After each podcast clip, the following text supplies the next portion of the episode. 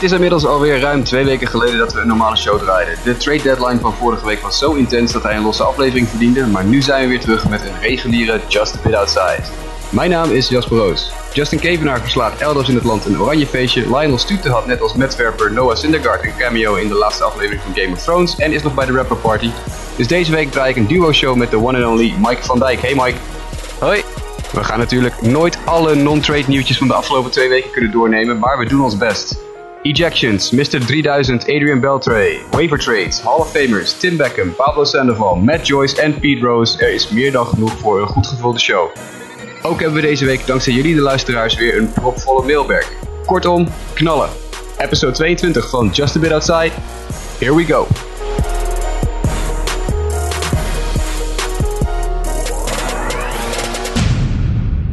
En dan beginnen we met onze momenten van de week. En ja, het zijn twee weken die we door moeten nemen. Dus uh, zowel Mike als ik hebben meerdere momentjes die we toch even ja, voor het voetlicht willen brengen. Mike, begin ik bij jou. Wat is het eerste moment waar jij extra aandacht aan wil besteden? Ja, mijn eerste moment van de week is eigenlijk van twee weken geleden. Je hebt ons lang warm gemaakt voor Johan Moncada naar de MLB. En hij maakte twee enorme mooie defensieve plays in de wedstrijd tegen de Cleveland Indians. Uh, het was echt uh, ja, Cubaans veldwerk wat ik, waarvoor ik eigenlijk vroeger altijd naar de Haarlemse honkbalweek uh, ging. de eerste bal, hij stond als tweede honkman opgesteld, werd nog voorbij de, de tweede honk geslagen. Eigenlijk naar de korte stoppositie. En hij doet met zo'n elegante worp, gooit hij hem op het eerste honk. Hup, dat was de eerste nul.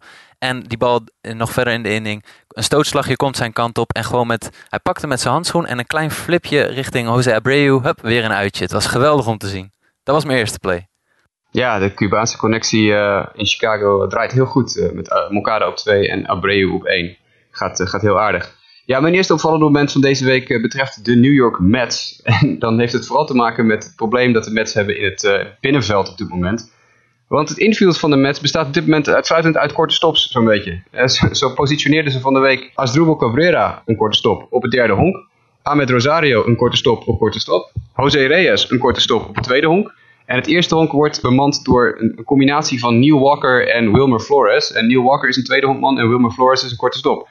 Dus bij gebrek aan infielders uh, bestaat het volledige Mets infield nu uit, uh, ja, uit korte stops. En dat vind ik toch wel een heel erg uh, opvallende ontwikkeling binnen de New York Mets. wellicht zien zij iets wat wij niet zien, hè? Ja, nee, ik weet niet. Volgens mij zijn ze gewoon, hebben ze een probleem met hun infield. Dus ze gaan wel binnenkort Dominic Smith oproepen. Dat is een eerste honkman uit, uit de minor league. Dat is wel een goede slagman. Dus dan hebben ze in ieder geval weer een normale eerste honkman.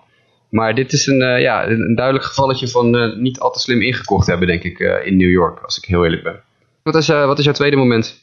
Mijn tweede moment is ja, The Catch. Austin Jackson, de centerfielder van de Cleveland Indians. Ja, die maakte in de wedstrijd tegen de Red Sox op Fenway Park. Henry Ramirez was aan slag. De bal gaat diep naar het middenveld. Iedereen denkt, dit is een home run.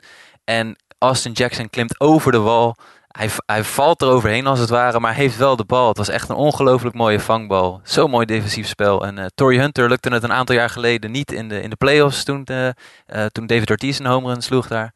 Maar hem lukte het wel en het was echt super mooi om te zien. Ja, Austin Jackson die kan defensief heel aardig mee. Het is jammer dat hij zoveel uh, geblesseerd is geweest de laatste paar jaar. Ik, ik, wil net zeggen, hij is heel gebleven bij deze vangbal. Dat ja, wil dat, zeggen. ja, dat is vrij opvallend. Want hij heeft inderdaad zijn laatste paar seizoenen bij de Tigers en ook bij de White Sox uh, was het allemaal niet om over naar huis te schrijven en bij de Mariners. Maar uh, ja, dit deed hij, dit deed hij vrij. Giancarlo Stanton, die kan ook wel aardig honkballen trouwens. Die sloeg van de week de verste home run van dit seizoen. 477 feet. Uh, daarmee uh, evenaart hij het record van dit seizoen van uh, Aaron Judge, die er volgens mijn research ook eentje van 477 feet sloeg. Maar waar Judge sinds de All-Star break eigenlijk ja, vrij weinig meer doet en echt, echt van, een, van een klein klifje aan het afvallen is, is Stanton echt gloeiend heet. Want die slaat veel home runs op dit moment en het begint ze ook steeds verder en verder te slaan. Dus ik heb een sterk vermoeden dat ergens in de komende paar weken Giancarlo nog wel eens de verste home run van het seizoen kan gaan noteren. De een na de andere inderdaad. Als je de highlights van de Marlins ook van de afgelopen week bekijkt. Uh, in iedere zit ongeveer wel een home run van Stanton. Ja, hij is, hij is in bloedvorm op dit moment. Ja. Dat, het is de eerste helft van het seizoen was het uh, meh. Maar hij is nu echt uh, ja, hij is een goede doen. Misschien heeft de home run derby voor hem juist ja, iets weer aangewakkerd of zo. Je hoort het toch vaak hè, dat mensen zeggen van je moet niet meedoen aan de home run derby. Want dan, dan sla je in de tweede helft van het seizoen helemaal niks meer. Nou, misschien heeft Aaron Judge daar een klein beetje last van. Maar Stanton het, het tegenovergestelde. Het is grappig, uh, ik zit nu te kijken, Mike, naar ons lijstje. Je had drie dingen, drie momenten uitgekozen. En alle drie hadden ze iets te maken met de Cleveland Indians. Wat ook nummer drie bij jou heeft te maken met een speler van Cleveland. Ik val door de mand, of niet? ja, volgens mij heb je heel fanatiek Cleveland zitten kijken de afgelopen week. Ja, nou ja, ze spelen ook een stukje beter. En uh, dus vooral de pitching is ook echt aan het bijschakelen. Maar ik ga weer voor een defensieve play. Defense all the way de, deze week. Giovanni Ursella, derde honkman tegen de New York Yankees. Afgelopen vrijdagavond. Ja, die maakte een play. De, bal werd geslagen en echt voorbij het derde honk. Hij wist hem te fielden en er was op dat moment een loper die van drie naar thuis ging. En hij gooide hem zo strak aan, maar wel over de man. En toch wisten ze het uitje te krijgen en te voorkomen dat, ze, dat het punt scoorde. Dat vond ik echt een hele mooie play van, eh, van deze derde honkman. Dus uh, ja, Cleveland Indian, maar dat is mijn, uh, mijn laatste moment van de week. Ja, Giovanni Ursella was altijd een van de grootste prospects bij de Indians organisatie. defensief altijd heel goed. Um, ja, mijn laatste moment van deze week is, uh, is Justin Verlander gerelateerd. Want hoewel er nu ook weer op het moment dat wij zitten op te nemen uh, geruchten gaan dat de Astros aan het bellen zijn met de Tigers of ze niet uh, Justin Verlander over kunnen nemen. Er schijnen nog geen echte stappen genomen te zijn in dat gesprek, maar er wordt gebeld. was Verlander weer echt ja, vintage Verlander van de week. Want hij gooide in de wedstrijd tegen de Baltimore Orioles ja, 10 strikeouts. Uh, maar de mooiste was de tiende, want uh, dat was pitch nummer 103 van de wedstrijd voor Verlander. En die gooide hij nog eventjes met 101 mijl per uur langs de slagman. En als je na 102 pitches je 103e nog met 101 mijl per uur langs een tegenstander kan knetteren. Ja, we weten allemaal dat Verlander bekend staat om het feit dat hij vaak, uh, naarmate de wedstrijd vordert, harder gaat gooien. Maar ja, we waren toch ook een beetje geschrokken van de drop in velocity bij hem van, de laatste twee seizoenen. Hij, ging, ging, hij haalde nooit meer echt de de, de knalsnelheden van vroeger. Gooide hij nu gewoon even 101 mijl per uur na dik 100 pitches in de wedstrijd. En uh, ja, dat was toch... Uh, ja, vintage Verlander kan ik graag naar kijken. Vind ik, vind ik echt schitterend. Is genieten, ja. Uh, en dan voordat we het gewone nieuws en noodblok induiken, even nog happy birthday Mike Trout. Want wij zitten op te nemen op maandag en Mike Trout is vandaag jarig. Hij is 26 geworden en werd zondagavond nog eventjes de all-time war leader, wins above replacement, voor de Angels, voor spelers 25 jaar of jonger. Eh, hij heeft namelijk een carrière war van 54. En daarmee is hij nu Chuck Finley voorbij. Dat was de vorige leider op het gebied van war voor de Angels van 25 eh, jaar of jonger. Zijn war was 2,5. En dat van Mike Trout is 54. Wauw. Dat is wel even, ja, dat is, dat is inderdaad, wauw is het enige woord wat je daarop kan zeggen. Happy birthday, Mike. ja, happy birthday, Mike Trout. En ik zei het een paar weken geleden in de uitzending, ik denk nog steeds dat hij mee kan doen voor de MVP-race. Want hij is, uh, buitenaards aan het honkballen, Mike Trout. Zeker. Dat waren onze momenten van de week. Op naar MLB News en Notes. En dan beginnen we het blok nieuws en notes met uh, ja, een in memoriam. Want uh, ja, de afgelopen paar dagen ontvielen ons twee grootheden uit uh, de Major League Baseball geschiedenis. En daar kunnen we toch wel heel even bij stilstaan. de minste tussen aanleidingstekens van de twee was catcher Darren Dalton. Darren Dalton was 55 jaar oud, is overleden aan een hersentumor, hersenkanker. Uh, was een catcher van de Philadelphia Phillies uit uh, eind jaren 80, begin jaren 90. Drievoudig All-Star. Uh, lid van de Philadelphia Phillies Wall of Fame. en ja, Darren Dalton was ja, een, een, een, populaire speler voor de Phillies, maar ook gewoon een heel geliefd persoon. Hele vriendelijke kerel, goede catcher, echt een aanvoerder van het team. en 55 is dan natuurlijk ja, veel te jong. Dat lijkt me duidelijk. De tweede persoon die ons uh, ontviel. Dat uh, nieuws kwam ongeveer anderhalf uur voordat wij uh, deze uitzending begonnen op te nemen. Naar buiten is, is Don Baylor. en daar heb jij een, ja, soort van connectie mee, Mike. Ja, dat klopt. Don Baylor was, was een aantal jaar geleden de hittingcoach van de, van de Arizona Diamondbacks. Baylor is, is, is overleden op 68-jarige leeftijd. Hij was in 1979 nog de American League MVP.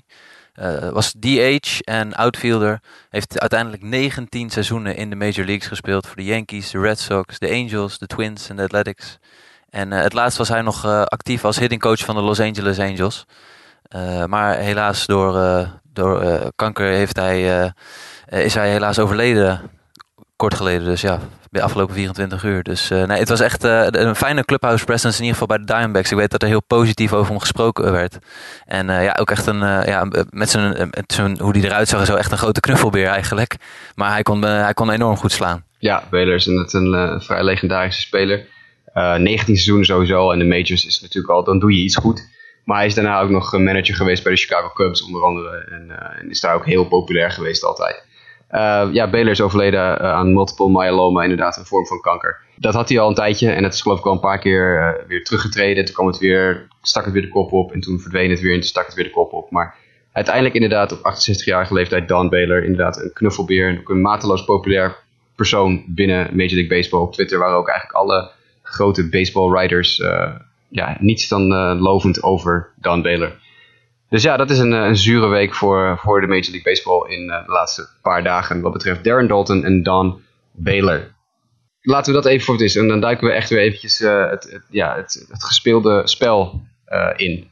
En we hadden vorige week natuurlijk een, een, trade deadline show. En toen moesten we een paar onderwerpen doorschuiven naar deze week. Omdat de show al zo vol zat. En we hadden een blokje gemaakt. Let's talk ejections. Want er was een aantal heel opvallende ejections in de laatste twee weken. En welke wil je als eerste doornemen, Mike? Uh, zullen we met de meest komische beginnen? Adrian Beltre. Laten we dat doen. Ja, Adrian Beltre was uh, bij de Texas Rangers een thuiswedstrijd uh, aan, aan, aan, nou, dat was niet aan slag. Hij, hij was on deck. En in, in de beleving van de, hij stond niet op de on-deck circle in te swingen. En dat is zo'n mat met het Texas logo in het stadion van de Rangers. Uh, hij stond er denk ik twee meter naast. Nou, dat beviel de scheids niet, dus die vroeg aan hem, uh, umpire Jerry Davis, die vroeg aan hem, joh, wil je nou alsjeblieft even gaan uh, inswingen op, het, op, op de on-deck circle? En wat doet Adrian Beltre? Ja, die pakt die circle en die verschuift hem twee meter naar hem toe. En die gaat vervolgens daar een beetje aan inslaan. ja. Nou ja, dat, een menige persoon kan daarom lachen. Als je de wedstrijd aanvoelt, zeggen ze dan in het voetbal, dan laat je dat gaan. Maar deze scheidsrechter was not having it at all. En Adrian Peltry kon gelijk uh, ja, zijn biezen pakken en, uh, en de wedstrijd verlaten. Ja, inderdaad. Het is sneu voor woorden hoor, die, die scheidsrechter. Het, het, was Jerry Davis, een vrij geroutineerde scheidsrechter. die normaal gesproken niet echt bekend staat als een, ja, zo'n een beetje een zurkhuis. Maar dit was echt, ik moest zo verschrikkelijk lachen toen ik het zag van Beltray. Echt, het is natuurlijk een ontzettende grappenmaker, Adrian Beltray. Hij loopt altijd te dollen met iedereen. Hij loopt honklopers tegen te houden. En we kennen allemaal dat gedoe tussen, tussen hem en, uh, en Elvis Andrews. Niemand mag aan het hoofd van Adrian Beltray zitten en dan wordt hij boos. Is, het is een ontzettende komische figuur. Die natuurlijk alles al meegemaakt heeft in de Major League. Staat al zo verschrikkelijk lang te honkballen. Al vanaf zijn 19 is nu half in de 30. Uh, zo'n legendarisch figuur. En dan en inderdaad, als je als scheidsrechter dit niet kan, uh, op waarde kan schatten als gewoon echt een goede grap, dan moet je volgens mij maar eventjes uh, een paar dagen op vakantie, als ik heel eerlijk ben. Ja, eens. Ook een vrij uh, opvallende scheidsrechterlijke move zat er in die wedstrijd van de Blue Jays, waar umpire Will Little drie man in één inning eruit gooide. Ja, ja de, de Blue Jays waren het er gewoon niet echt over eens over hoe de scheidsrechter, onze Will Little, ja, de, de wedstrijd callde. er waren een paar pitches van, van, Will, van Stroman was ja, Strowman, die uh, ja, gewoon een beetje aan de rand zaten en de scheidsrechter gaf ze niet. Nou, manager John Gibbons was er niet helemaal mee eens. Die liet al een beetje verbaal wat van zich horen. En de scheidsrechter had daar vrij snel genoeg van en gooide John Gibbons eruit. Uh, en niet veel later was er nog een pitch, ja, net aan de buitenkant. Hij was ook, eh, als je keek naar, de, naar het, uh, ze lieten zien de, de pitchzone, dan zat hij er net buiten. Maar dus, ja, de pitcher die is dan op dat moment overtuigd van zijn eigen gelijk. De stroomman die riep wat, nou die kon vertrekken. Russell Martin draait zich om alleen en die zegt misschien één ding van, wat bedoel je? En ook hij kon eruit. Dus ja, binnen eigenlijk no time waren er drie mensen uitgestuurd van de Blue Jays. Uh, dus uh, ja, die was, uh, hoe zeg je dat, trigger happy wat betreft ejections. Ja, ja, de website The Big Lead had als titel voor het artikel dat umpire Will Little goes full Frank Drabin. Frank Drabin is natuurlijk die legendarische scheidsrechter uit de, de, Naked Gun films, waar Leslie Nielsen inderdaad alles en iedereen de duvel in zijn oude moer uit de wedstrijd gooit. dat, het was inderdaad vrij hilarisch om te zien. Nou ben ik heel eerlijk gezegd Marcus Stroman een beetje zat aan het worden, want ik vind dat hij zich een beetje achterlijk loopt te gedragen. En had je dat gezien, uh, dat de, de, de, announcers van de Blue Jays niet door hadden dat hun microfoon nog live was en dat ze toen gingen zeiken over stromen? Had je dat toevallig gezien? Nee, nee, dat heb ik gemist.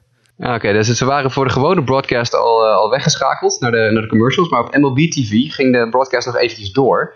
Uh, dat was na dat relletje tussen Stroman en Tim Anderson van de White Sox, die een beetje tegen elkaar liepen te schreeuwen en dat de teams op het veld kwamen, was van de week. Uh, en toen waren ze vergeten dat die uh, microfoons nog live waren. En daar kon je ook uit merken dat de commentatoren van de Blue Jays uh, Stroman echt spuugzat beginnen te worden. Want Buck Martinez zei onder andere van he just can't stop. He just cannot stop doing this. ze waren echt, ze, ze, beginnen behoorlijk zat te worden. Stroman begint een behoorlijke diva te worden en is voortdurend betrokken bij kleine relletjes.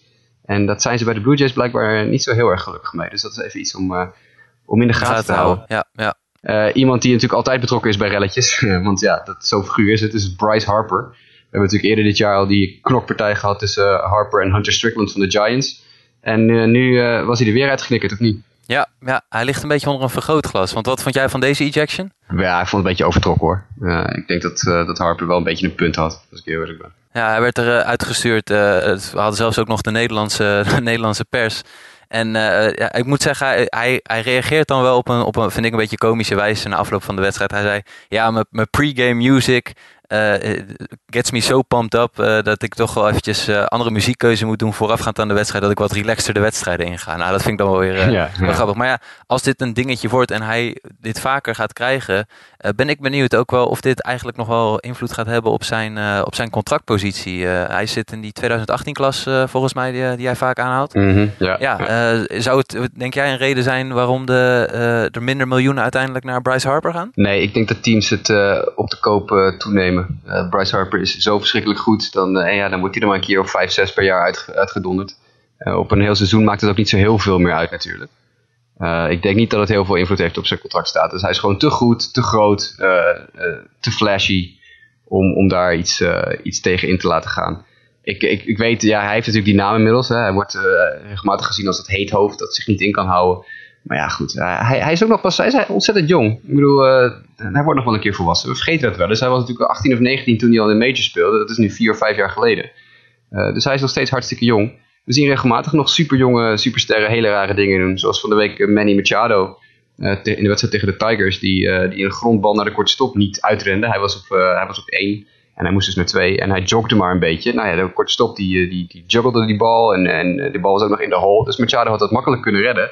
Maar die had er even geen zin in, dus die jogde naar tweede honk. Nou ja, meteen de volgende inning is hij er wel uitgehaald. Want ook jonge jongens moeten nog, nog leren. En we vergeten wel eens dat jongens als Machado en Harper nog gewoon echt heel jong zijn. En eigenlijk nog een beetje volwassen moeten worden. Ze lijken wel heel volwassen al, want ze spelen al zoveel jaar Major League Baseball. Maar het zijn eigenlijk nog gewoon jonge gasten die ook fouten maken.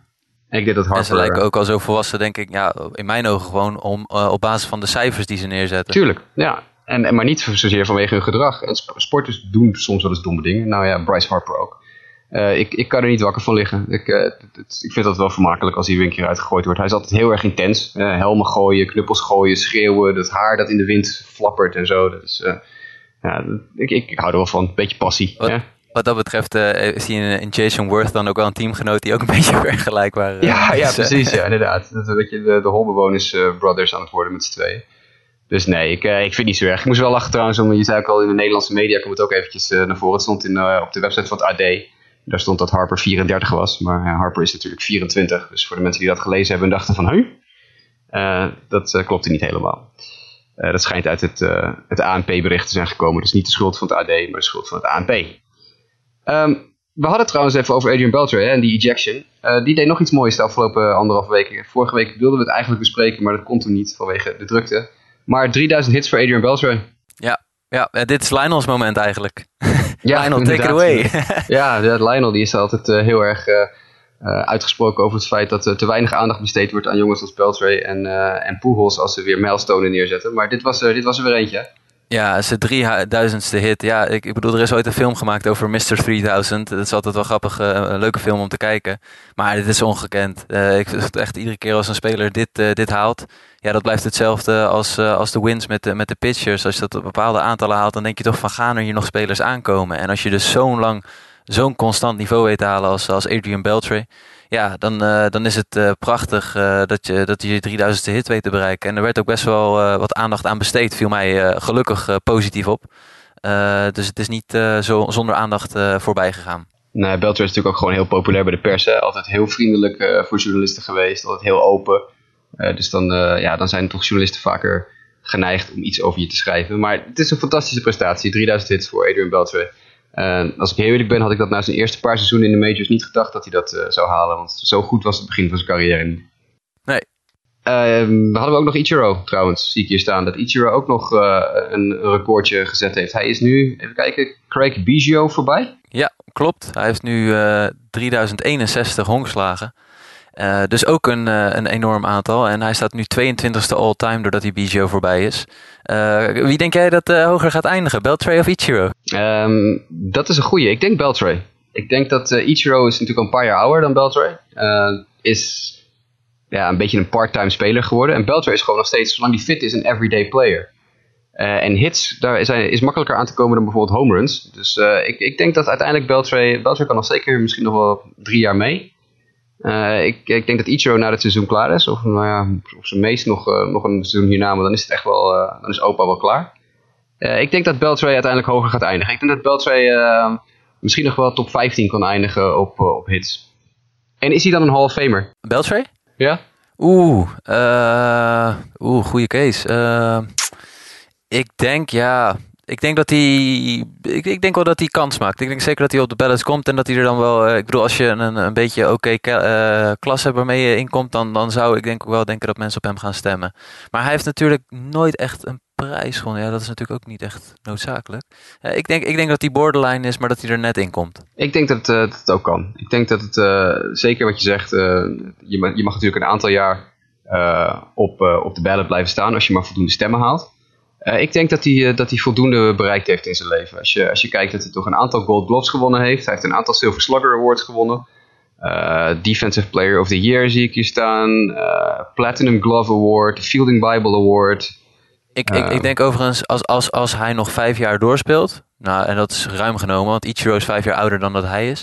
Uh, hij staat op, zie ik, 454 uh, career home runs. Ja, als hij 500 haalt, dan is hij erin. Ja, ik denk het ook. Ik, uh, en zeker als je kijkt dat wij natuurlijk nu vooral hebben over zijn aanvallende statistieken, maar dat hij ook ongelooflijke hoeveelheid defensieve prijzen gewonnen heeft. ja. Dat is natuurlijk al een paar jaar geleden. Zijn laatste Gold Glove Award is van vorig seizoen eh, en die daarvoor was uit 2012. Dus er zitten af en toe al wat, uh, wat periodes tussen van uh, dat het even niks is. Maar hij heeft natuurlijk ook gewoon bij de, bij de Boston Red Sox gespeeld. En, en, je ziet toch heel vaak bij spelers die bij de Yankees of de Red Sox hebben gespeeld, dat dat toch ook in hun voordeel werkt op het moment dat ze de Hall of Fame ballot opgaan. Vanwege gewoon die, die nationale en internationale ja, rugbaarheid die aan zulke spelers gegeven wordt.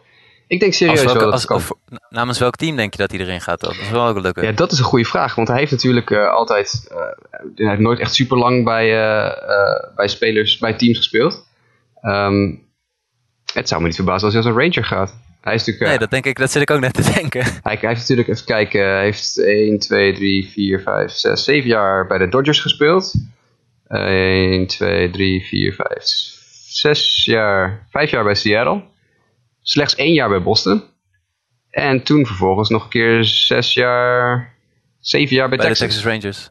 Ja. Dus ja. Ik denk ook dat hij als Ranger zou gaan. Ik, eh, ik denk dat hij, eh, ja, Ranger, dat lijkt me het meest voor de hand liggen. Hij heeft natuurlijk zijn verreweg zijn meeste successen heeft hij geboekt uh, bij de Texas Rangers. Dat zijn zijn beste seizoenen geweest. Een uh, aantal keer in de MVP-stemming hoog geëindigd. All-Stars. Hij heeft natuurlijk heeft 1, 2, 3, 4 All-Star games gehaald. eentje met Boston en drie met Texas.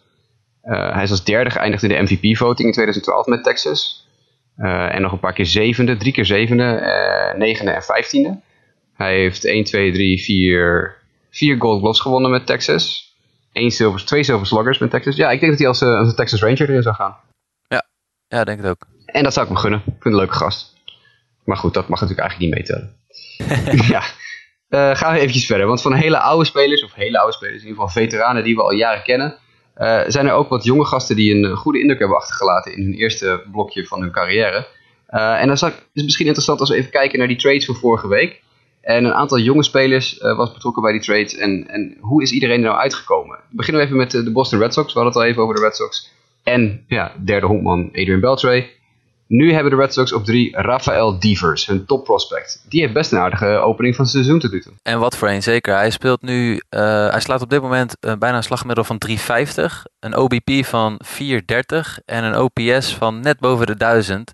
Uh, ja, dat, hij staat gewoon goed te slaan. Al drie home runs, een gestolen honk. Dus hij, hij is goed bezig, offensief zeker. Dus nee, die maakt wel een, een aardige indruk. ik weet, je moet altijd even zien hoe het over een langere tijd gaat met zo'n rookie. Uh, maar hij maakt op dit moment een hele goede indruk. En uh, je zou bijna zeggen, de problemen voor op het derde honk zijn opgelost hiermee. Ja, ik denk het ook. Ik, uh, je begint nu te zien waarom de Red Sox absoluut niet Rafael Devers wilde wegtraden. Al die verhalen van, nee, de Red Sox zijn op zoek naar dit, op zoek naar dat. En heel veel teams belden vanwege Devers. Maar ze hebben echt gezegd, nee, Devers die houden we. Want dat is onze, onze toekomst. Alleen zijn toekomst is wat eerder gekomen dan ze hadden verwacht. En ja, nu is het de kwestie inderdaad, die dip gaat komen. Dat, dat kan niet anders. Dat heb je bij Cody Bellinger gezien dit jaar. Dat zie je nu bij Aaron Judge. Maar de vraag is, hoe komt hij er dan uit? En de beste spelers eh, komen er ja, vaak ongeschonden uit. Zoals ook Cody Bellinger, die ja, na zijn dipjes altijd weer keihard terugkomt. ik, ik moet zeggen dat Rafael Divers mij ja, positief, positief was. ja, ik, ik, had wel, ik had hem altijd wel hoog zitten, maar ik dacht dat het misschien iets te vroeg was voor hem. Maar nee, blijkbaar niet. Hij staat er heel lekker te slaan. Ehm, dat is dus een, een product van uh, die trade deadline. De Red Sox haalden geen derde hondman, dus uh, Devers werd opgeroepen. Uh, zullen we even kijken naar de, de andere mensen die een positieve indruk hebben achtergelaten bij hun nieuwe teams. Um, Nunez, ook voor de Red Sox. Ja, Eduardo Nunez werd gehaald van de San Francisco Giants. op dit moment negen wedstrijden gespeeld voor de Boston Red Sox en al vier home runs. Slaat vier, slagmiddel van 400. dus ja, OPS op dit moment voor wat hij in de wedstrijden met Boston heeft gespeeld zit boven de 1200. Dus uh, ja, uh, veel slechtere indruk kan je volgens mij niet maken. Nee, of uh, veel betere indruk kan je volgens mij niet maken, bedoel ik. Nee, inderdaad. Het is, ik heb ook meteen een fantasy toegevoegd aan een van mijn teams, waar het nog kon. Want dit is een superstart inderdaad. Er zijn nog meer hoor, die er goed begonnen zijn. Lucas Duda bij de Rays. Ja? Meerdere home runs. Eerste wedstrijd ook meteen een home run. dus die is uitstekend begonnen. ja, vorige week zat ik af te geven op, op de, de move van de Baltimore Orioles om Jeremy Hellickson te halen. Maar jij vertelde mij net dat het ja, dat de Orioles zaten, weer meer wisten dan ik blijkbaar. Precies, we zaten allemaal af te geven op Jeremy Hellickson. Maar in zijn eerste wedstrijd tegen de Kansas City Royals thuis in Baltimore, wat niet echt altijd een makkelijk park is om in te gooien, best wel hitter-friendly, gooit hij gewoon zeven innings met slechts vijf hits tegen, geen punten tegen en uh, drie strikeouts. Ja, uh, dit is wat uh, de Orioles nodig hadden. A broken clock can be right twice a day, zeggen ze wel eens. Dus in hoeverre is dit definitief voor Jeremy Hellickson en, en zakt hij weer terug naar zijn oude niveau? Dat is altijd een beetje de vraag natuurlijk. Afwachten, ja. Ja, ik verwacht er niet veel van hoor. Ik blijf, ik blijf gewoon, ik double down. Uh, dat wordt helemaal niks met Jeremy Hellickson. Fingers crossed of dat ook echt gaat gebeuren. Uh, Melky Cabrera van de Kansas City Royals is ook aardig begonnen. Sloeg volgens mij gisteren of eergisteren zijn eerste home voor de Royals, maar staat prima te spelen in Kansas City. Uh, en dan, ja, Hugh Darvish. Ja, Man, man. Is dat nou die, die, ja, die stapt over van de American League naar de National League. Hij was van de week echt fantastisch in de, eerste wedstrijd van uh, de LA Dodgers. Uh, is dat, denk je, heeft dat te maken met die switch van de EL naar de NL? Ja, ik denk, ik denk toch wel iets. Nou moet ook gezegd worden, hij gooide tegen de Mets. Uh, offensief natuurlijk niet het meest geweldige elftal of team in, in de Major League. Maar hij, hij, zag er wel, hij gooide wel echt enorm goed en enorm scherp. En ja, ik denk we hadden het erover, de Dodgers gaan er vol voor uh, dit seizoen. En ze hebben met Darvish wel echt een, uh, een hele goede arm binnengehaald hoor. Weet je, die, die vraagtekens die er waren van sommigen van, hè, is het nog de oude Darvish? Ik denk dat hij die, die wel in die ene wedstrijd gelijk heeft beantwoord met van, luister, ik, ik, zit hier goed, ik ben hier goed in vorm en ik, ik kan het nog steeds. Dus je hoeft niet te twijfelen aan mij dat ik net zo goed, of in ieder geval de nummer twee kan zijn na Clayton Kershaw. Ja, zeven innings, drie hits, één keer vier wijd, tien keer drie slag tegen de New York Mets. Dat kwam natuurlijk de eerste start nadat hij uh, tegen de Miami Marlins voor de Texas Rangers nog 3,2 eh, innings met uh, 10 hard runs tegen kreeg. Dus hij is een beetje wisselvallig nog, maar dit is fantastisch. Zeven innings, 10 strikeouts, dat doet het altijd, doet het altijd goed. ja, die move naar de, naar de National League, het blijft toch denk ik die, het gebrek aan een DH, die toch de pitcher even een moment van van uitrusten geeft als hij tegen de pitcher van de tegenpartij moet gooien. Ja, ja, ja, of, ja, ik blijf het ook verrassend vinden. Want zou dan echt alleen dat het verschil maken? Eh, ergens denk ik dan ook van dat de, de line-ups gewoon iets minder diep zijn. Of uh, ja, ik, ik, ik kan het moeilijk begrijpen dat echt alleen de pitcher dat zou zijn. Maar ja, eh, de cijfers lijken erop te wijzen als je dit, zo, dit soort uh, prestaties bekijkt. Nou, het opvallende is wel dat als je naar de, naar de betting stats kijkt van de, van de Major League, ja, over de hele league gesproken, dat over het algemeen de laatste paar jaar telkens de top 10 uh, eh, van, van slagmensen allemaal uh, National Leaguers zijn. Uh, ik heb nu even het lijstje voor me op het gebied van slaggemiddelde. Dan kijk je naar de top 10. Daar zijn, even kijken hoeveel American Leaguers zijn. Dus Jose Altuve is American League, is dat nummer 1. En de rest is allemaal National League. Ja. Dat zijn Justin Turner, Daniel Murphy, Charlie Blackman, Bryce Harper, Buster Posey, Paul Goldschmidt, Carlos Correa, DJ LeMayu en uh, ja, Eduardo Nunez, die dan nu in de American League speelt, maar verreweg het meeste van zijn stats verzameld heeft in de National League. Uh, dus uit de top 10 is er één American Leaguer en de rest is allemaal National League. Dus je zou zeggen dat ze aanvallend gezien meer dan genoeg te bieden hebben. Dat zijn wel allemaal, uh, ja, dan kijk je wel in die zin ook denk ik naar de individuele spelers. Ja. Terwijl het, het, het komt in dit soort gevallen denk ik juist aan op uh, hoe goed is die nummer 8 hitter, hoe goed is die nummer 7 hitter. Ja, dat is zeker waar. Dat is misschien minder in de National nee, League. Je zou dan kunnen kijken nog naar de, de MLB standings, om te kijken hoe het met hun, hun run differentials en dat soort dingen zit. Maar dat is misschien een beetje te veel voor het goede om dat allemaal nu even te doen. Maar het is, het is opvallend dat, dat dit soort ja, moves naar de National League toch over het algemeen goed uitpakken voor spelers. Terwijl de andere kant op nog wel eens wat, wat lastiger is. Hoewel Jeremy Hellickson daar dan weer ja, ja. het tegendeel bewijst. Um, ja, zo, het is opvallend. Ik, ik gun het Darvish wel. Ik ben wel benieuwd of hij het vol kan houden. Maar het, ja, hij is in ieder geval goed begonnen. Uh, niet zo goed begonnen zijn eigenlijk alle Mariners trades. Hè? Want we hebben het heel vaak over Jerry DePoto van de Mariners. Die uh, als een gek allemaal trades loopt te maken. Ook de afgelopen weken weer. Erasmo Ramirez binnengehaald. Marco Gonzalez binnengehaald. David Phelps binnengehaald. Een trade gemaakt voor Yonder Alonso. Komen ze meteen nog even op terug. Maar eigenlijk alle deadline deals van de Mariners zijn hopeloos begonnen aan hun Mariners carrière. Want Erasmo Ramirez en Marco Gonzalez die hebben in hun eerste stukje carrière Even kijken of ik die goed zeg. Ze hebben Gonzalez en Ramirez in hun eerste twee starts. Met z'n tweeën bij elkaar opgeteld. 9 innings gegooid, 15 hits tegen, 10 earned runs tegen en 4 home runs tegen. Dus die zijn buitengewoon uh, slecht begonnen aan hun Mariners carrière. die zijn nog erg aan het wennen aan de American League West. Ja, dat, dat, dat denk ik ook ja inderdaad. Goedemiddag hé. Uh, en uh, David Phelps, die binnengehaald is van de Marlins, is na zijn eerste optreden als een Mariner van de heuvel gehaald met elleboogproblemen. Uh, het is nog niet bekend wat de blessure precies is, maar ja, ook voor hem niet zo'n heel best begin aan zijn, uh, aan zijn Mariners carrière. En in de, AOS sowieso inderdaad uh, nogal wat moeilijke opstartdingetjes. Want we hadden vorige week hebben we de, de Astros al een beetje afgekraakt. over het feit dat ze en niet zo heel veel deden bij de trade deadline. En dan ook nog als hun grote move Francisco Liriano binnenhaalden voor top prospect Teoscar Hernandez en Nori Aoki. Maar Liriano die is de, zijn starterscarrière in Houston is ook snel voorbij, of niet? Ja, ik, eh, hij is uh, naar de bullpen gestuurd. jongen, jongen. Ja, dan, uh, dat is... dan, doe je de best om, laat maar zeggen, je starting pitching rotation aan te vullen met een, met een kwaliteitsarm. En dan, dan doe je dit al vrij snel. Ik, ik kan me niet voorstellen dat ze niet van, dit van tevoren voor die trade al niet bedacht hadden. Nee, maar dan is het nog steeds een, natuurlijk wordt het misschien nog wel een dommere trade van het feit dat je echt goede spelers opgeeft sowieso al voor Liriano is al verrassend. Maar dan ook nog dit, dat je hem na één start of zo meteen in de boelpen zet. Ik, eh, ik kan, niet, kan me niet voorstellen dat dit, uh, dat goed uit gaat pakken. Uh, Dallas Keuchel was ook trouwens echt uh, pissed off hè, over het feit dat de Astros niet, zich niet versterkt hebben rond de deadline. Dat kwam helaas, omdat net na onze podcast vorige week naar buiten. Maar Dallas Keuchel was not amused. Die, die zei alle andere teams die in de running zijn voor een playoff plek, die hebben zich op een of andere manier versterkt. Hè. Zelfs teams die al heel goed zijn, zoals bijvoorbeeld de Dodgers die nog op het allerlaatste moment enorm investeren in, uh, in Hugh Darvish.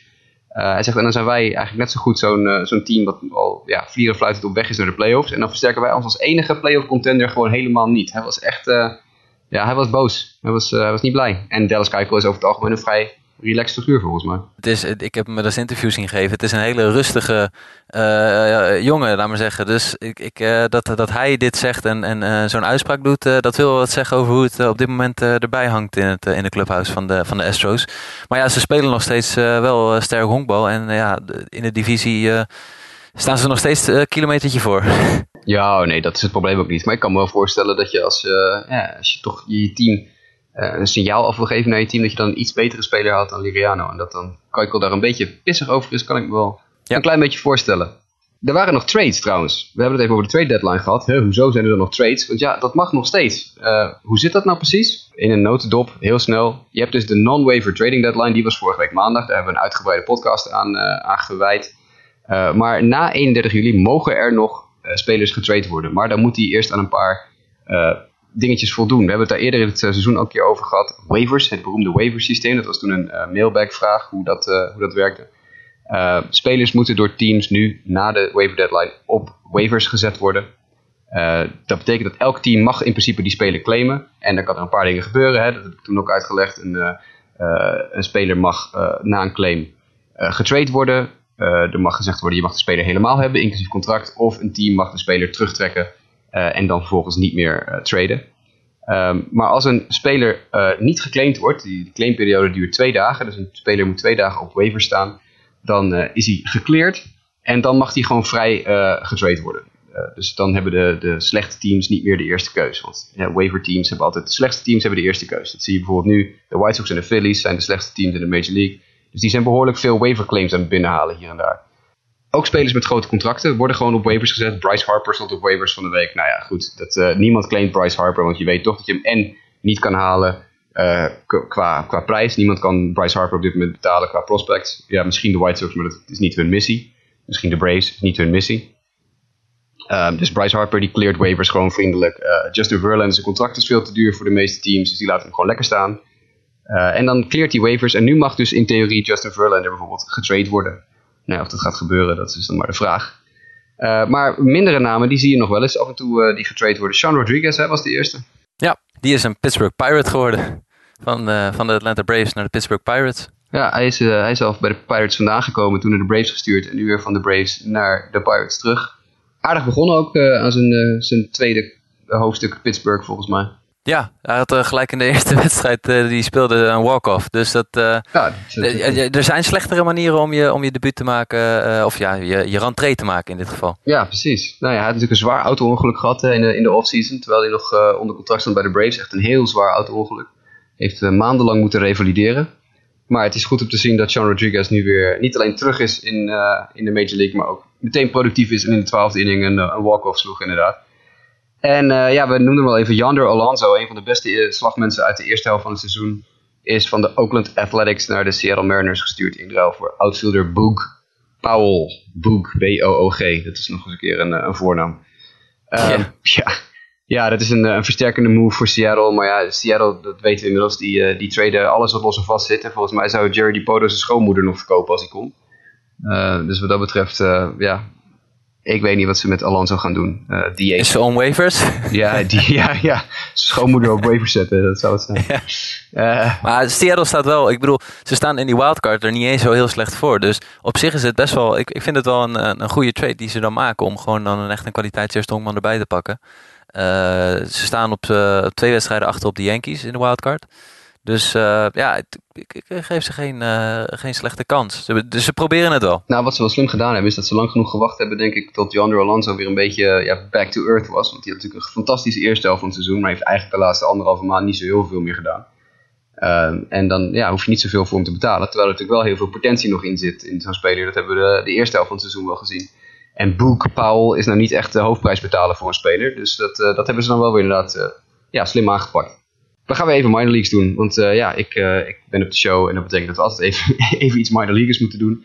Uh, er was van de week een, een record. Jose Siri, dat is een Reds minor leaguer. Helaas is Lionel er niet om met ons te praten over Jose Siri. die had een 39 game hitting streak. Dat is een record in de Midwest League in Single A. Maar daar kwam nogal een controversieel einde aan, of niet? Ja, ik weet niet of, of de luisteraars het gezien hebben, maar anders zoek het even op. Uh, je, als je iemand een, eh, een, een hitting streak kan ontnemen, dan uh, moet je dat in principe niet doen. Je moet gewoon proberen iemand fair en square uit te willen gooien. En wat, wat, de, tegen, ja, wat de tegenstander hier deed, ik vond, het, ja, ik vond het een beetje gênant om naar te kijken. Ik weet niet, kan jij het verder toelichten wat er gebeurd is? Ja, het was de wedstrijd van uh, Midwest Team, Single A team van de Reds tegen de Dodgers affiliate van de Single A, dat is de Great Lakes Loons. Uh, was de wedstrijd uh, daarvoor, was er wat gedonder geweest met een jongen van de Loons die een paar homo's had geslagen en toen een bal op zijn sodemieter gegooid kreeg. En de volgende dag uh, was het blijkbaar de beurt aan Jose Siri. Hij was 0 uit 3 en kwam de vierde keer in, in de achtste of negende inning aan slag. En de eerste pitch zeilde vlak achter zijn hoofd.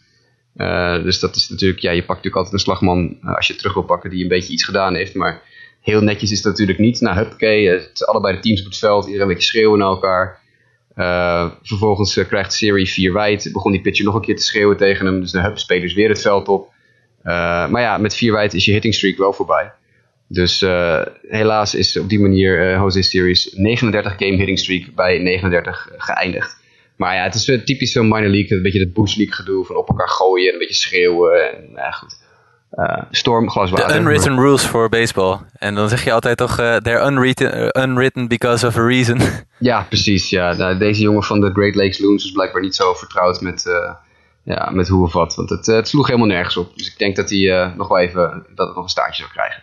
Maar goed, dat was de minor league update van deze week. Verder gaan we het zoveel mogelijk bij de majors houden. Want we hebben al meer dan genoeg nog te bespreken. Want Bartolo Colon, jawel, 44 jaar. misschien is hij wel 45 inmiddels gooit een complete game. Ja, dat was uh, de Texas Rangers, uh, waren de opponent van de, van de Minnesota Twins. En uh, ja, het was. Uh, of nee, wat, ja, dat was ja, was Texas Strangers. En uh, ja, ik bedoel, het, het, was, het was geen geweldige lights-out wedstrijd waarin hij compleet de line-up domineerde. Hij kreeg vier punten tegen. Maar hij gooit wel gewoon een, een, een, complete game. En hij is daardoor de oudste American League pitcher met een complete game victory sinds Nolan Ryan in 1992. Die deed dat toen op 45-jarige leeftijd. Maar ja, het uh, jij vroeg uh, toen, uh, toen hij naar de Minnesota Twins ging van ja, hij heeft me vaker ongelijk bewezen. Kan hij het nu weer? Ik vlak het niet uit. Nou ja, het is toch wel weer een knappe prestatie. Ja, dit, dit, is, ja, Big Sexy blijft verbazen hoor. Het is heel apart. Ik, ik kan het niet verklaren. Als ik het kon verklaren zou ik het doen. Ik heb er totaal geen uitleg voor. Over, over, over verbazen gesproken. We zijn net wel even iemand nog vergeten. Een, een trade die jij, uh, een speler van een trade die jij uh, op het laatste moment in de aflevering vorige week hebt uh, aangekondigd. Tim Beckham naar de Baltimore Orioles. Oh ja, ja die, die hebben we inderdaad even overgeslagen net. Ja. Dat, die is ook best goed begonnen. Ja. Heeft de tienduizendste home run in de geschiedenis van de Baltimore Orioles geslagen. Is nu al 1,1 wins above replacement waard na zijn eerste week bij de Baltimore Orioles. Die is inderdaad ook goed begonnen. Ja. Die, die trade heeft ook wel wonderen gedaan voor in zijn eerste week drie home runs voor de Orioles. En uh, hij zei ook in een, een van die interviews uh, naast de laatste home van... ja, ik vind het gewoon prettig om voor een team te spelen... waar je gewoon, uh, gewoon lekker kan swingen. En ik, ik denk dat daar ook wel echt een kern van waarheid in zit. Als je de, als je de race vergelijkt met de, Oakland, of, met de Baltimore Orioles... ik denk dat je daar gewoon cultuurverschil ziet... met, met hoe slagmensen aan slag staan en, en wat hun instructie is ik, ik denk dat Beckham in, in die zin gewoon bevrijd is en nu gewoon zoiets heeft van oké, ik mag gewoon lekker gaan slaan en, uh, en we gaan wel zien uh, wat eruit komt. Ja, dat is een beetje de, zoals ik uh, de, de line-up van de Baltimore Orioles interpreteer. Ja, en, en neem alleen al het, het stadion ook. Ik bedoel, waar zou je liever spelen? In een, in een betonnen bak in Tampa of in een schitterend historisch Camden Yard in Baltimore? Dat, dat zou voor mij ook wel een verschil maken, denk ik. Baltimore, ja. Ja, dat, dat absoluut. Ja, heel goed. Tim Beckham. fijn dat je die nog eventjes tussen gooit. Heb ik inderdaad overgeslagen. Tim Beckham is nog geen Hall of Famer. Uh, daar is hij eh, nog heel ver van verwijderd. Zal hij waarschijnlijk ook wel nooit worden. Maar er zijn de afgelopen week wel drie spelers aan de Hall of Fame toegevoegd. En nog een aantal executives. Het was tijd voor eh, Jeff Bagwell, Tim Raines en Ivan Rodriguez om de Hall of Fame in te gaan. Ja, ze zijn allemaal in, de, in de Hall of Fame uh, terechtgekomen. En ja, dat is eigenlijk een beetje, ja, ik wil niet zeggen geruisloos, maar door alle trade deadline gebeuren heeft het niet heel veel aandacht gekregen in mijn optiek. Uh, Maar ja, wat, ja ik, ik, als ik even heel kort op de spelers in mag gaan. Jeff Bagwell staat bij mij toch echt bekend als de man met die betting stands waarbij die benen zo ver uit elkaar staan. Ja, inderdaad. En uh, in menig videospelletje was dat altijd wel uh, interessant om, om te zien. En, ja, en zelf heb ik met Ivan Rodriguez toch wel warme herinneringen aan. Ik, toen, ik klein was en, en echt honkbalwedstrijden ook in de nacht begon te kijken. Ja, dan was ik, Ivan Rodriguez de catcher van de, van de, van de Florida Marlins toen nog. En ja, ik vond het wel een, het, was het was echt een goede slagman toen. Dus ik, ik vind het leuk om, om Pudge Rodriguez de Hall of Fame in te zien gaan. Ja, nou het, enige van die drie spelers is dus dat Ivan Rodriguez en Jeff Bagwell echt wel ja, ja, een categorie nooit gepakt, maar wel zeer, onder zeer zware verdenkingen van doping liggen. Want ze zijn natuurlijk, ja, het waren de sterren uit het doping tijdperk. Ja. Um, dus ja, het, helemaal kwijt gaan ze dat niet raken. Het is natuurlijk nooit bewezen, dus ja, je weet, je weet het nooit. Maar um, Tim Raines staat er voor mij dan natuurlijk een, een klein beetje bovenuit. Uh, begonnen bij de Montreal Expos uh, en ook bij de White Sox en Yankees uh, glorie dingen gedaan. Er komt binnenkort een, een boek uit, weet ik toevallig. Tim Raines' biografie komt uit. En dat wordt echt een fantastisch boek. Dus als mensen van honkballiteratuur houden, raad ik van harte aan om in de gaten te houden wanneer Tim Raines een biografie uitkomt. Want die man heeft wat meegemaakt hoor. Die heeft hele wedstrijden gespeeld in de jaren 80 met een een flesje cocaïne in zijn kontzak. En die ging dan tussen de, tussen de inge door eventjes naar de kleedkamer om eventjes snel een lijntje te doen zodat hij weer door kon. Dus dat was uit dezelfde periode als die, die New York Mets teams met Daryl Strawberry en Doug Gooden die allemaal stijf stonden van de speed en de dope en weet ik het allemaal. dat, Tim Raines was natuurlijk een ster uit de ja, drugsrijke jaren 80 honkbalperiode. dus ik raad zeker aan om in de gaten te houden wanneer dat boek uitkomt. Dat lijkt me fantastisch om te lezen. Tim Raines is echt een ja, geweldige kerel. Uh, was de eerste honkcoach van uh, het White Sox team dat in 2005 de World Series won. Dus ik heb altijd een zwak voor, uh, voor Tim Raines. er waren ook twee executives trouwens, die, die moeten we nog even noemen, die de Hall of Fame in mochten. Bud Selig, voormalig commissioner van Major League Baseball, en Braves executive John Sherholt zijn ook toegevoegd aan de Hall of Fame. Nou goed, dat nemen we dan maar even aan. Ja. Hall of Fame daar gelaten. Pablo Sandoval, Oh jee, daar is hij weer. Hij is terug in de majors. want Brandon Belt werd in, de, in San Francisco op de 7-day concussion DL geplaatst. En daar was Pablo Sandoval. Ja, het was letterlijk een geluk bij een ongeluk voor hem. Want Brandon Belt werd uh, met een pitch geraakt op zijn helm. En uh, verliet gelijk de wedstrijd. Uh, wat, wat ervoor zorgde dat Pablo Sandoval de volgende dag in de line-up terugkeerde bij de San Francisco Giants.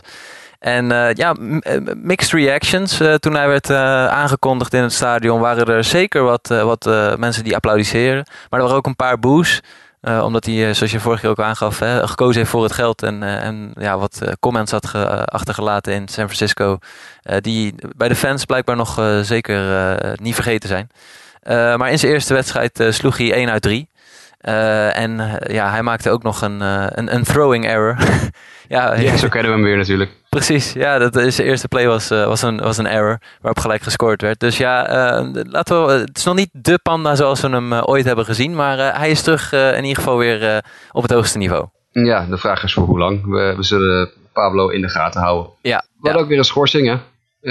even kijken, Matt Joyce is geschorst vanwege taalgebruik. Ja, ja, Matt Joyce die kreeg een, schorsing voor twee duels. Uh, eerder dit seizoen hebben we ook al met Kevin Pillar een, een schorsing gehad die vergelijkbaar was. Uh, hij heeft een, uh, ja, een, een, een scheldwoord geroepen, een homofoob scheldwoord. en ja, daar, daar is hij ja, voor, voor gestraft voor twee wedstrijden. Hij is erbij gelapt door een, een EP-fotograaf. En uh, die heeft erover getweet en daardoor uh, is het verhaal naar buiten gekomen. En uh, MLB heeft gelijk twee wedstrijden schorsing uitgedeeld. Ja, ik geloof dat hij een, fan uitschold. Het was één specifieke fan een beetje zat die hem een beetje zat te hekkelen. En toen heeft hij inderdaad een, een scheldwoord naar deze fangroep en hem uitgedaagd om naar de wedstrijd te komen vechten. En ja, inderdaad een AP-fotograaf die naast de dugout zat, heeft dat vanaf zijn telefoon allemaal de wereld ingeholpen. Ja, ik begrijp niet met dit soort, met dit soort jongens. Waarom kijk je niet? Hè, we hebben het hier vaker gehad over Joey Votto. Zo kan je ook omgaan ja. met fans die een beetje lopen te hekkelen. Uh, maar ja, het is, uh, ja de, hij zal er uh, van moeten leren. Ja, nee, absoluut. Het is domme zet van Matt Joyce. Het, het, is gewoon, ja, blijkbaar niet zo'n hele slimme jongen. ook niet zo'n slimme jongen is Pete Rose. We hebben het heel vaak over Pete Rose gehad. verwijderd uit de honkbal, levenslang geschorst. Nooit de Hall of Fame in, ondanks dat hij een fantastische carrière heeft gehad. En nu is hij door de Phillies ook uh, uh, heeft hij nog een trapje nagehad. Want hij was eigenlijk uitgenodigd voor een, uh, een Phillies Alumni Weekend. 10 tot 13 augustus zou dat plaats gaan vinden. En dat zal nog steeds plaatsvinden. Alleen Pete Rose, de centrale man, is ja, toch geblokkeerd van komen. Dat klopt. En ik denk dat daarmee ook eigenlijk een einde is gekomen aan zijn, in mijn optiek, zijn kansen op überhaupt ooit de Hall of Fame in te komen. Er is namelijk uh, recentelijk naar buiten gekomen dat, uh, dat Pete Rose in zijn tijden dat hij in de jaren 70 speelde, een, een seksuele relatie heeft gehad met een minderjarig meisje. tijdens zijn huwelijk en hij had zelf twee kinderen. Het meisje, wat stond in het artikel, was geloof ik 14 en hij dacht dat ze 17 was. Maar dit is, ja, ik denk dat hij hiermee gewoon alle kansen die hij had op de Hall of Fame, die zijn gewoon klaar. En ik begrijp ook niet waarom je, als je dit soort dingen gedaan hebt en ook het gokken en dergelijke, dan maar zo blijft volharden dat je uh, wijzen maar naar je, je honkbalprestaties en zeggen van ja, ik hoor thuis in de Hall of Fame. Dus uh, in ieder geval het alumni weekend van, van de Phillies, uh, dat, dat gaat door zonder Pete Rose. Maar er zou een Pete Rose bobblehead uitgedeeld worden. dat gaat ook niet door. Nee. Is het al helemaal precies uitgezocht en onderzocht en bewezen dat die, dat die relatie plaats hebben gevonden? Of is het nog steeds in de onderzoeksfase? Ja, wat, wat ik had begrepen is in ieder geval dat, er, dat het, het besluit van Pete Rose om niet naar, uh, uh, dit, uh, naar dit evenement te gaan was een mutual beslissing. dus dat, dat vind ik in die zin al opvallend. En ik geloof wel dat het recentelijk naar buiten was gekomen, maar ik, weet, ik denk dat het nog deels in de onderzoeksfase zit, maar het, het was niet volledig ontkend wat ik had begrepen. Nee, nou ja, uh, interessant. Uh, dus dat zal dan in die zin inderdaad nog moeten blijken. Maar ja, hoe zie jij zijn kansen voor de Hall of Fame als, als dit daadwerkelijk uh, waar blijkt te zijn? Nou, die was hij sowieso al kwijt. Dus dat, dit maakt hem alleen nog maar, als het waar is, een grotere flop als, een als mens. Hij had een paar jaar geleden ook zo'n reality tv show. Daar heb ik twee afleveringen van gekeken. Nou, het is echt een ontzettende maloot. Dus ik denk dat we gevoegelijk het hoofdstuk Pete Rose kunnen sluiten. Laten we dat ook maar snel doen. Uh, injury report, Mike. We hebben een, uh, een, paar. We hebben er een paar uitgehaald. Er zijn natuurlijk heel veel blessures geweest. Maar er zijn er een paar jongens die we eventjes uh, willen bespreken. Dus dat doen we even nog. Um, jij begint met Clayton Kershaw. Clayton Kershaw, ja. Die is vier tot zes weken uitgeschakeld. Nou, inmiddels zijn er wel één, twee weken voorbij. Maar hij heeft een rugblessure sinds het moment dat hij op de DL is gegaan. ja, dat was eigenlijk vlak voor de trade deadline bij onze vorige episode. En toen hebben ze dus besloten om, om Hugh Darvish te halen. Uh, gaat dit de kansen van de Dodgers nu nog beïnvloeden in jouw optiek? Nee, niet uh, nu ze Darvish gehaald hebben. Dat, ze hebben zo'n enorme voorsprong, dat komt, komt wel goed, denk ik. Dat denk ik ook. Steven Strasburg, die had verliet de wedstrijd tegen de Diamondbacks met een zenuwbeknelling. leek zijn volgende start te halen. Toen is hij uiteindelijk toch op de disabled list gegaan is toch alweer voor Steven Strasburg weer een blessure. En hij is wel vaker geblesseerd geweest. Dus even afwachten hoe, dat, hoe dat verder gaat. de starting pitcher van de Tampa Bay Rays, Jake Odorizzi, is ook op de 10-day disabled list gegaan met een rugblessure. Outfielder Dexter Fowler van de St. Louis Cardinals, 10-day disabled list met een polsverrekking.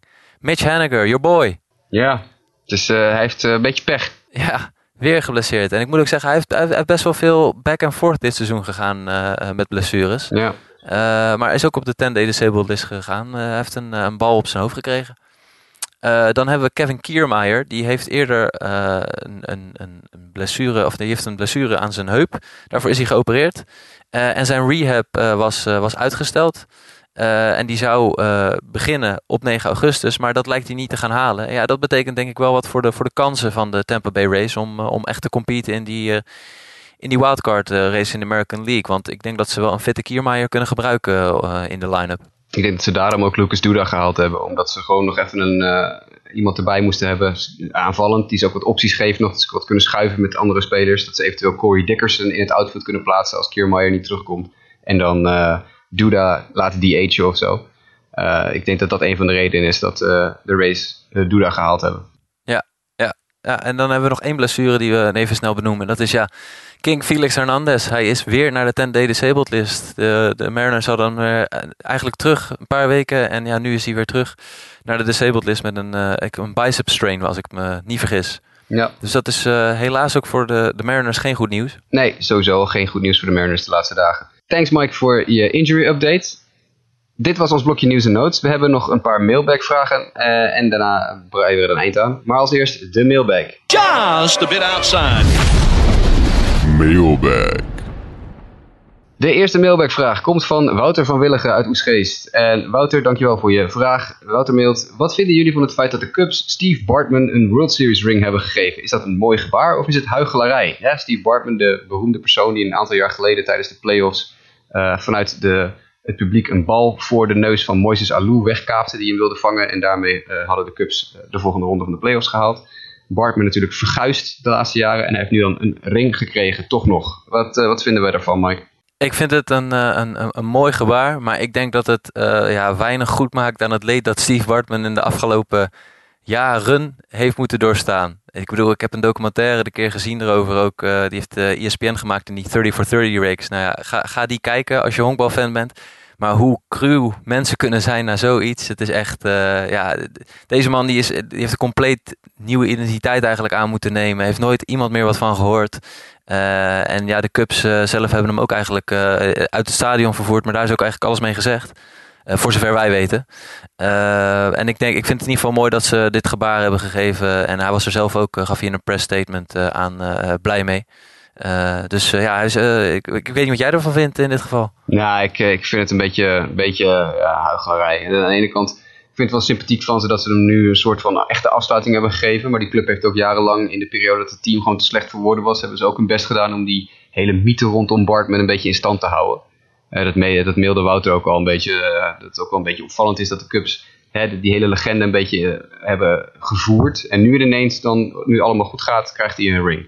Ja, ik weet niet. Als, als dit helpt om het hele gedoe af te sluiten, vind ik het prima. Dan ben ik er ook gewoon klaar mee. En dan kunnen we eindelijk gewoon lekker vergeten. En hetzelfde doen als er met Jeffrey Meyer gebeurd is. Die uh, in de Baltimore New York Yankees series van eind jaren 90 uh, op een gegeven moment dezelfde soort actie ondernam als Bartman.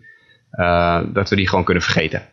Nou, de mythe is wel groot rondom Bartman. Ik bedoel, je hebt ook toen ze de, de, de serie wonnen, de, de World Series veel mensen die willen hem gewoon zien, kijken hoe het met hem gaat. Of in ieder geval dat ze weer denken van oké Steve, dit, dit, dit, is Steve vandaag de dag. Ik hmm. ben benieuwd of hij ooit, want hij, hij, is hij heeft totaal geen zin in die publiciteit. Hij heeft het altijd enorm afgehouden en alles. En wat ik me heel goed voor kan stellen in zijn positie. Ja, zeker. Ik, ik, ik ben benieuwd uh, of, of we ooit nog uh, echt wat gaan horen van Steve Bartman. Of zien. Ik hoop het niet. Ik hoop dat het gewoon klaar is en dat we ons nu kunnen focussen op de Cubs van, van nu. En niet de Cubs van 15 jaar geleden. Ik denk dat dat het belangrijkste ja. is.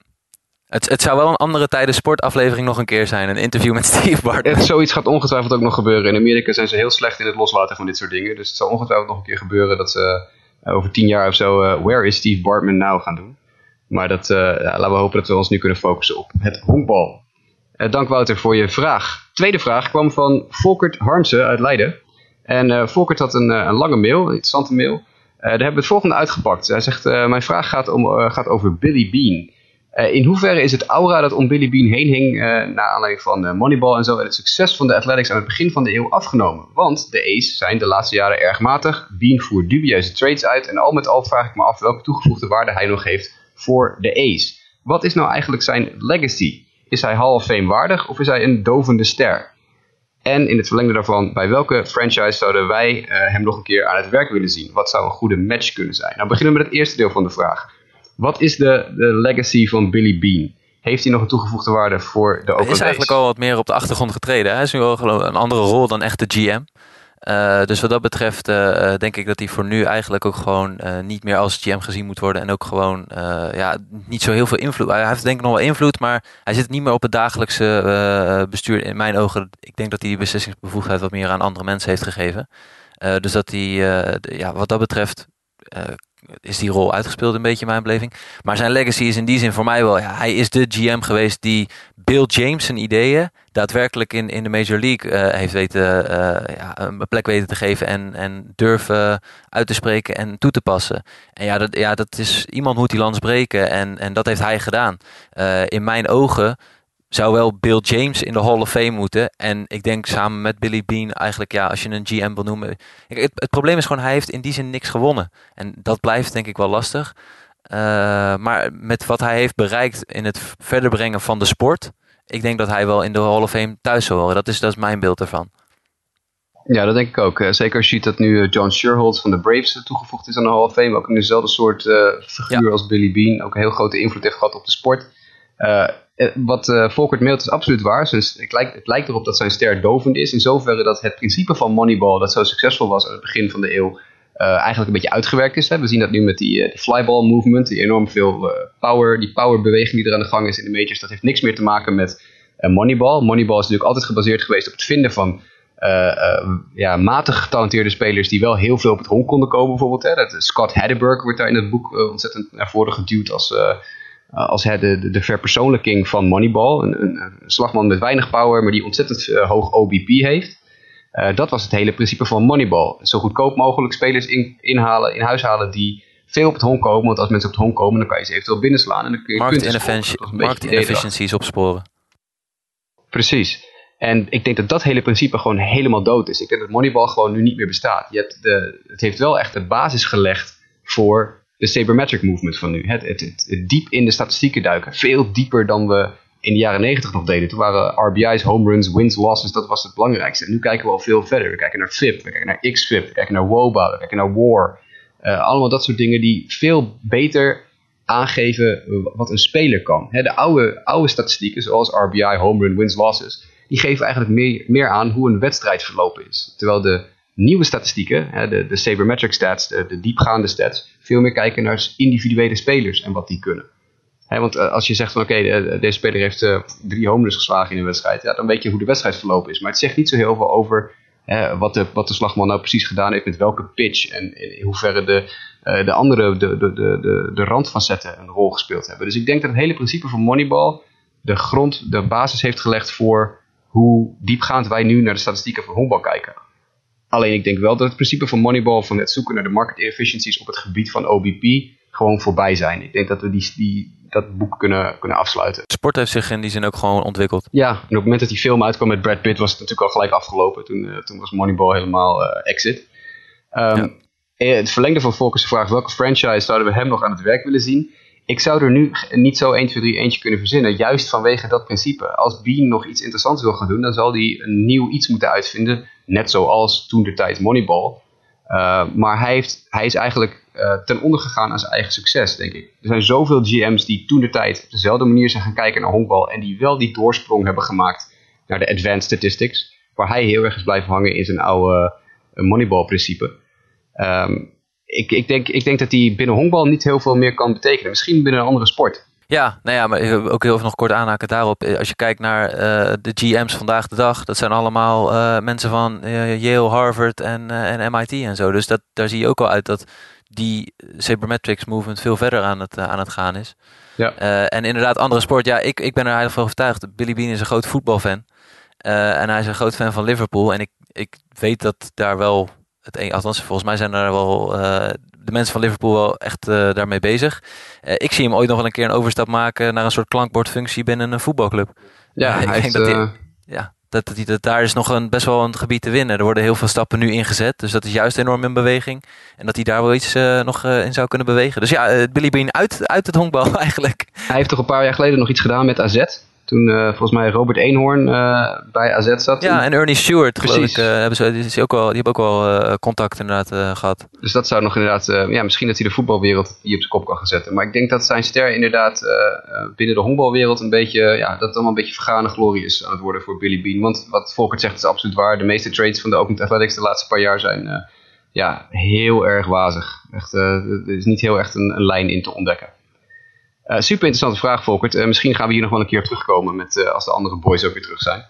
maar we hebben als laatste nog een derde vraag. Die kwam van Remco Hanenburg. En dat heeft al iets minder te maken met honkbal zelf, maar meer met ons als, als hosts van de show. Remco mailt, in de afgelopen editie hadden jullie het over de topscards. Dat was dus de twee afle afleveringen geleden.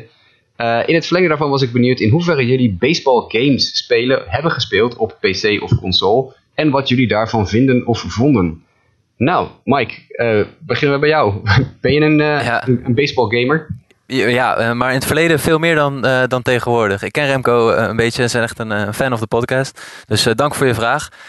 nee, ja, ik, ik heb, ik moet zeggen, in, tien jaar geleden speelde ik veel meer honkbalgames dan nu. Nu tegenwoordig speel ik soms nog out of the park baseball. Dat is echt op de PC een, een manager game, zeg maar, vergelijkbaar met voetbalmanager, maar dan met de MLB en de, en de minor leagues. Super intensief spelletje om te spelen. En, uh, en ook super uh, verslavend. uh, maar ik heb eigenlijk in het verleden veel meer op de, op de PlayStation ja, MLB 2002 van 989 Sports gespeeld. Ja, en als je dan tegenwoordig spelletjes kijkt, het is eigenlijk nog heel erg vergelijkbaar op een bepaalde manier als toen, maar ook weer niet. Uh, en een ander spelletje wat ik, wat ik zelf in, in, echt een van de leukste spelletjes vond, uh, dat was uh, Backyard Baseball. En in plaats van, de, dat, ja, dat speelde je met de kinderen uit, uit de omgeving, zeg maar. Die hadden ze samengesteld, allerlei karaktertjes. Maar ook met een, een kid Randy Johnson en een kid Albert Pujols en een kid Alex Rodriguez. En dan speelde hij in plaats van in de Cactus League in de, in de komkommersalade competitie of zo. maar dat was echt een superleuk spelletje en heel toegankelijk om te spelen met allerlei superpowers. Dus nee, ik heb, ik heb wel dat soort spelletjes gespeeld. Ja, ja nee, ik eh, ben ook een, uh, inmiddels een uh, out of the park baseball, een UTP speler. Dat is inderdaad, het, wat je zegt, het is ontzettend intensief. Het is echt heel intensief. Je moet echt overal rekening mee houden. Je moet budgetten bouwen van, van, van teams. Je moet spelers traden. Je moet de minor leagues in de gaten houden. Call-ups, send-downs, draften, de hele, de hele bende. Heel dus, realistisch. ja, en sinds een paar jaar hebben die ook de officiële MLB-licentie. Dus de, de officiële logo's, spelers en dat soort dingen zitten erin. En het valt mij op, in, ik speel nu een jaar of drie, vier out of the park dat hun scoutingmechanismes ontzettend goed zijn. Uh, hun voorspellingen, ze werken heel veel met baseball prospectus ook. Hun voorspellingen komen vaak uit. Want je draft dus ook spelers die nu echt in college zitten. En die spelers die groeien dus mee. Dus ze hebben een enorme high school database, een enorme college database. En heel vaak door de laatste jaren heen zijn spelers die ik dan bijvoorbeeld gedraft heb vanuit high school. Omdat ik dacht van nou ja, het, het, het spel denkt dat dat een goede speler wordt, dus die draft ik wel. Die zijn inmiddels in de echte Major League uitgegroeid tot sterren. Dus hun scouting systeem eh, ja, loopt heel erg synchroon met hoe spelers echt uitpakken. Ik vind het fascinerend om te zien. Uh, maar ja, ik ben ook heel lang geleden begonnen. Ik ben begonnen in 1995 met Hardball 5. Van uh, uh, ja, Accolade Games geloof ik. Met Al Michaels nog op het commentaar. Er staan gameplay filmpjes op YouTube. ik raad het iedereen aan om Hardball 5 even op te zoeken. 99 gulden voor betaald bij V&D om hem te kopen op de PC. Weet ik nog precies. Het meeste geld dat ik toen ooit uitgegeven had in mijn leven. Um, Hardball 5 is een fantastisch spel. Geen officiële logo's, wel officiële namen. Uh, ik heb verder nog gespeeld uh, Frontpage Baseball 98 met Randy Johnson op de voorkant van uh, Sierra Sports, Sierra Games. ik heb nog gespeeld High Heat Baseball. Ook zo'n PC-spelletje. beste baseball game in mijn optiek ooit gemaakt. En dat zullen heel veel baseballgamers het waarschijnlijk met me eens zijn, is uh, MVP Baseball 2005 van EA Sports. Dat is echt, dat is echt een, fantastische game. Ja, die is nog steeds, draait nog steeds. Je kan hem in principe nog steeds spelen. En er zijn nog steeds hele communities op internet te vinden die de rosters elk jaar bijhouden. En die ieder jaar met allerlei add-ons en weet ik dat het spel nog steeds in leven houden. Uh, eh, EA Sports is daarna gestopt met het maken van, uh, van baseball games. Maar MVP Baseball 2005 was echt fantastisch. Uh, nou ja, er zaten nog wel een paar van wat minder bekende tussen. Uh, toen heb ik een, break genomen een tijdje. Uh, ben ik ook een andere uh, Out of the Park gaan spelen. Ik heb Baseball Mogul nog een tijdje gespeeld. Dat is een heel simpelere variant van een manager game. Je hoeft eigenlijk alleen maar spelers te kopen en te verkopen. En, en minor leaguers van AAA op te roepen naar de majors. Meer is het niet. Dat is ook wel aardig. En een paar jaar geleden ben ik, heb ik meteen gedipt in de nieuwe franchise van PlayStation. MLB The Show. Jasper came out of retirement. Ja, ja ik, ik kon het niet laten. Ik, uh, ik schafte een paar jaar geleden een PlayStation 4 aan. En dan moet je toch ook uh, uh, MLB The Show gaan spelen. MLB The Show 15 vond ik geweldig. MLB The Show 16 vond ik echt ongelooflijk slecht. Ik vond de gameplay echt dramatisch. En toen heb ik dus MLB The Show 17 niet gekocht. Tot twee dagen geleden. Want ja, zoals de mensen misschien vorige week al weten. Ik ben op dit moment in de VS. En daar is het allemaal iets goedkoper. Dus ik heb voor twee tientjes nog maar eventjes MLB The Show 17 op de kop getikt. En die ga ik dan maar weer spelen als ik thuis ben. Dus ja, nee, ik ben, uh, ik ben uh, groot fan van, uh, van honkbalspelletjes. Ik heb zelfs de Game Boy ook nog gehad. Big Hurt Baseball. Frank Thomas had zijn eigen signature spelletje op de Game Boy midden jaren 90. die hadden mijn ouders een keer meegenomen uit de VS. Dus ik heb ook nog op de Game Boy Big Hurt Baseball gespeeld. dat was ontzettend moeilijk. De enige speler die ooit een bal raaksloeg was Frank Thomas. Ik verdenk nog steeds de producers ervan dat ze dat bewust hebben gedaan. Um, dus ja, nee, uh, hele fanatieke baseballgamer geweest. Maar vooral nu inderdaad het uh, manager aspect van Out of the Park uh, is, is erg leuk. is heel erg aan te raden. Het is niet eens zo heel duur. Kost drie, vier tientjes of zo. Kan je gewoon downloaden van de website van de producer. Het is geloof ik een Duits bedrijf dat erachter zit. ontzettend leuke game. Ja. Nou, Remco, leuke vraag. Dat is een keer wat anders.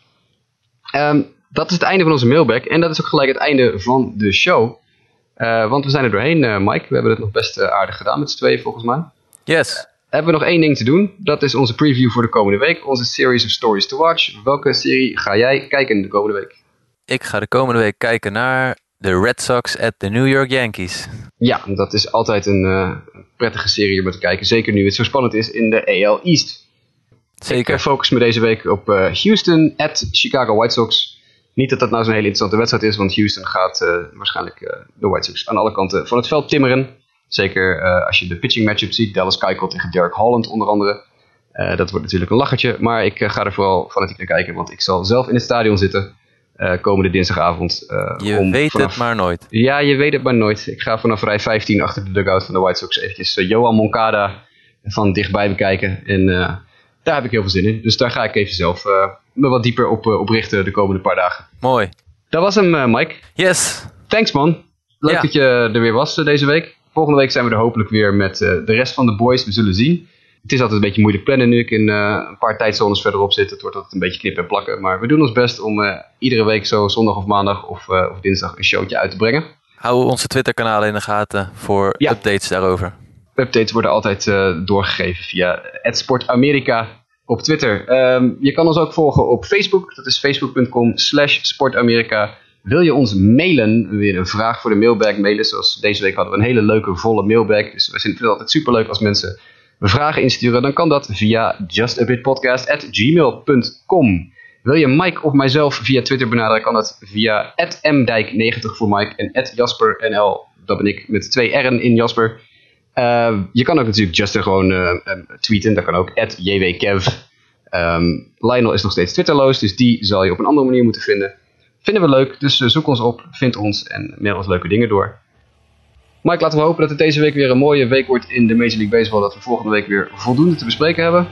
Ja. Jou zie ik volgende week weer. Luisteraars ook, dank voor het luisteren. En tot volgende week.